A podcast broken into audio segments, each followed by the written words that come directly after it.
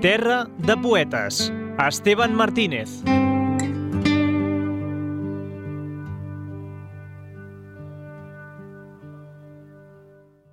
Hoy os leeré, pero que me perdonen, un poema mío, eh, del último libro, El temblor, publicado por La Garúa, y dice así.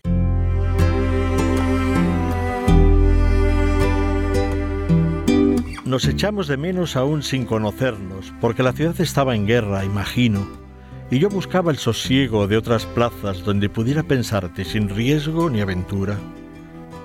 Nos echamos de menos otras muchas veces, porque la soledad buscada no dejó de hablarnos de nosotros sin saber muy bien de quién hablaba. Pasé contigo, tomamos un transbordador, vimos ponerse el sol sobre un bosque de arces, desde algún istmo inconcebible, estrecho como un abrazo, aunque tú no tuvieras nombre aún en mí, ni yo fuera quien era. Cuando me sorprendí mirando un escaparate iba solo.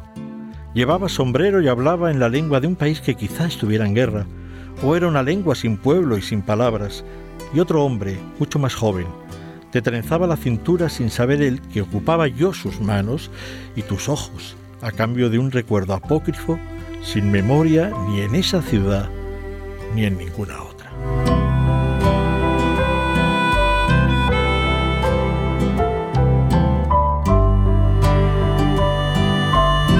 El poema eh, tiene por título Sueños ajenos y propios.